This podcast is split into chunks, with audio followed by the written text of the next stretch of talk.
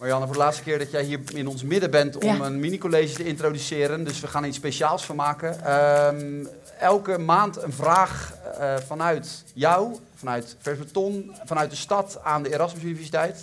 Waar gaan we het deze keer over hebben?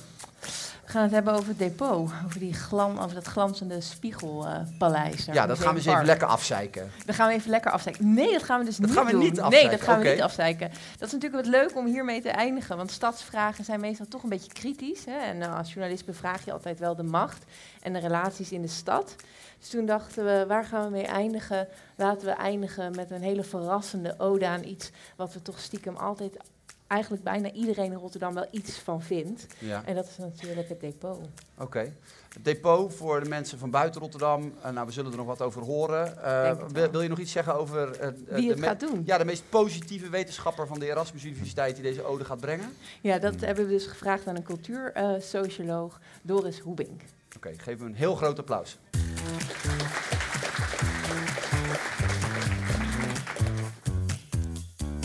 Afgelopen zomer bezocht ik voor het eerst het depot Boymans van Beuningen. En ik was heel aangenaam verrast. Niet alleen om het indrukwekkende gebouw of om de mooie collectie, maar ook omdat allerlei nieuwe museologische inzichten, die in de wetenschappelijke literatuur vaak wat abstract blijven, in het depot handen en voeten krijgen. En dat deed het depot naar mijn mening zo goed dat ik zou willen dat het hernieuwde Boymans van Beuningen of ieder ander kunstmuseum enkele lessen van het depot overneemt. En ik ben tot drie lessen gekomen, die ik ook allemaal keurige titels heb gegeven, die ik nu met u zal delen. Les 1. Laat wat aan de verbeelding over. Zoals u waarschijnlijk wel weet, heeft het depot geen keurige rangschikking van objecten in stille en overzichtelijke zalen. Het is een geharrewar van trappen die leiden naar verschillende opslagplekken, die dan door een glazen wand heen te beschouwen zijn. En ik stond voor een van die glazen, door een van die glazen wanden heen te kijken naar de afdeling organische en niet-organische materialen. Toen ik achter mij een stem hoorde die zei: Och Els, kijk nu toch dat buisstoeltje. En ik keek achter me om en ik zag een meneer. En ik zag die meneer zijn bril. En ik zag die meneer zijn schoenen. En ik zag Els. En ik dacht, deze meneer heeft in zijn leven al heel wat buisstoeltjes gezien. En toch staat hij hier nu met verwondering eh, naar een buisstoeltje te kijken, wat je in normale museumopstellingen maar zelden ziet. Hoe kan dat? En dat ligt denk ik aan het feit dat je in het depot moeite moet doen om tot de objecten te komen. In traditionele opstellingen wordt alles je met de lepel gevoerd. Alles in overzichtelijke zalen, keurig in thematische of chronologische volgorde, op ooghoogte, gepaste afstand tussen de werken, labeltje hier, tekstje daar, een ruimte die niet afleidt. Dus het traditionele museum is een heel uitgekiende visuele machine. Misschien wel te goed en het gevolg is, is dat het publiek een beetje passief kan worden. Wat gedwee, wat afwachtend. Dat is in het depot totaal anders. Daar is de enorme hoeveelheid van objecten en hun fysieke onbereikbaarheid en ontoegankelijkheid zo groot dat je niet eens de illusie krijgt dat je alles kunt bekijken en alles kunt begrijpen. En daardoor moet je vanzelf keuzes gaan maken. Ga je actiever kijken? Ga je zelf op onderzoek uit? Waardoor het kan gebeuren dat Erik en Els, een door de, wolf door de wol geverfd kunstkijkkoppel, verrast kan worden door weer een buisstoeltje. De opstelling van het depot Boymans van Beuningen prikkelt dus de fantasie en laat wat aan de verbeelding over. Het depot laat mensen hun vragen stellen en vervolgens is er een hele goede app die dan die vragen kan beantwoorden. Dus les 1, laat wat aan de verbeelding over. Les 2, laat zien dat het museum mensenwerk is. In het hedendaagse museum, in de museumwetenschappen, is er een grote roep om de democratisering van het museum. De relatie tussen museum en publiek moet platter. En de beroemde erfgoedwetenschapper Rodney Harrison eh, noemt dat er een dialogisch model moet komen, waarbij erfgoedprofessionals en het publiek samen in een dialoog erfgoed creëren. Een abstract idee dat in het depot concreter wordt. Zoals we hebben kunnen zien, staan in het depot, zoals vroeger in de kijkshop een beetje, enkele objecten achter glaswanden opgesteld. Maar verder ben je je vooral bewust van de enorme hoeveelheid objecten die je niet ziet. Het depot is daarmee een soort van negatieve representatie. Je bent je vooral bewust van het feit dat het overgrote deel van de collectie niet in museumzalen wordt getoond. Wat we in het museum zien is een selectie uit de collectie. En dat besef is zeer waardevol. Het zorgt ervoor dat het museum een wat menselijker gezicht krijgt. Dat het museum geen onzichtbare autoriteit is en dat de kanon van werken niet door God gegeven is, maar het resultaat is van gesprekken tussen experts. Dat maakt niet dat wat we in een museum zien willekeur is of louter subjectief. De experts hebben zeer goede redenen voor hun keuze, maar inzicht geven in dit selectieproces is waardevol. Verder zie je door heel het museum heen op de goede informatieschermen, de flatscreens, hoe medewerkers uh, hun verhalen met het publiek delen. Zoals de conservatoren, zoals Roelie Zijlstra, zoals de restauratoren, maar ook de beveiligers, zoals Renzo van Riemsdijk.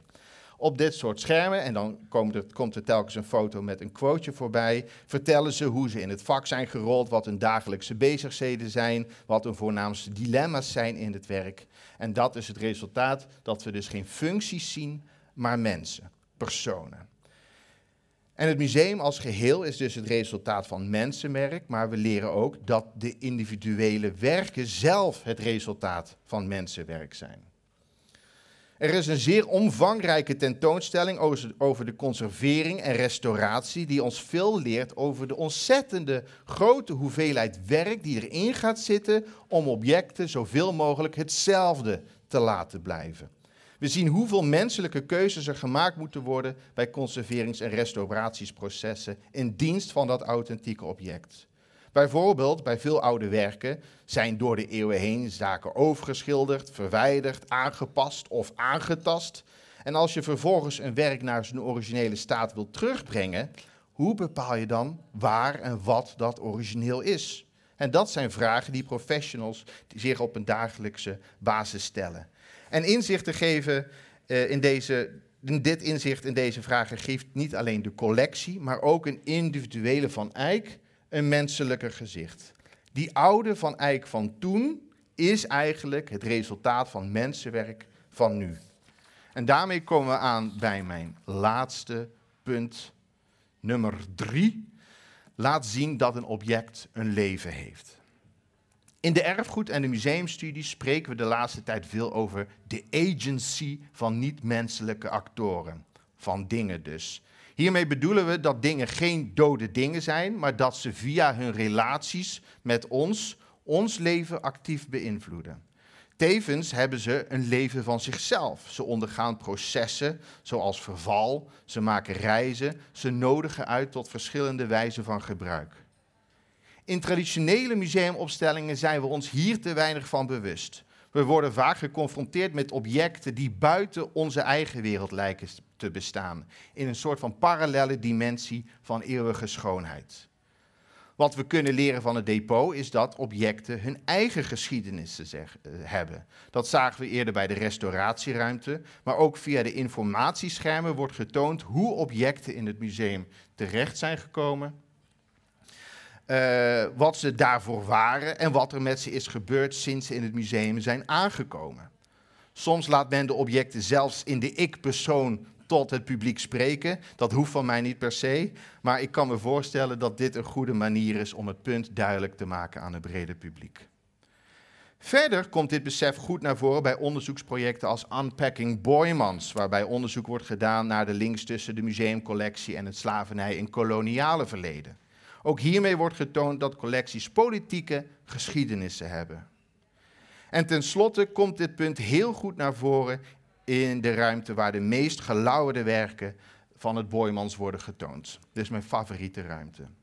U kunt zien bij binnenkomst dat we de werken slechts vanaf de achterzijde kunnen zien, waardoor we ons meer gewaar worden van de ruwe materialiteit van die dingen. Maar wat vooral zo leuk is in deze ruimte, is dat het niet alleen de geschiedenis van de objecten toont, maar ook een inkijkje geeft in de geschiedenis van het tonen van objecten aan zich. Zoals uitgelegd wordt in deze zaal, is deze opstelling met glazen ezels geïnspireerd op een revolutionaire tentoonstelling uit 1970 in Sao Paulo, ontworpen door de architecte Lina Bobardi. Haar bedoeling was om werken in hun gehele driedimensionele bestaan te tonen, om de bezoeker ervan bewust te maken dat kunstwerken volwaardige gebeurtenissen zijn. Hiermee laat het museum zien, of het depot zien, dat niet alleen objecten hun eigen geschiedenissen hebben, maar tentoonstellingen ook. En dat er verschillende manieren zijn om objecten te tonen en dat die verschillende manieren weer verschillende effecten op bezoekers en de werken zelf hebben. Ik begrijp natuurlijk dat niet alles op één op één kan worden overgezet. Een depot en een normaal museum zijn twee verschillende dingen. En ik begrijp ook dat het project Zuid Boymans van Beuningen, waar kunstenaars op intensieve en intieme wijze kunst maken, vaak met mensen uit de stad zelf, ook zijn lessen wil overbrengen naar het hernieuwde Boymans. Maar het lijkt mij doenlijk om manieren te vinden waarin het nieuwe museumgebouw dingen aan de verbeelding worden overgelaten. Het duidelijk wordt dat het hele museum mensenwerk is en niet een door God gegeven werkelijkheid en dat objecten levens van zichzelf hebben. Dank u wel.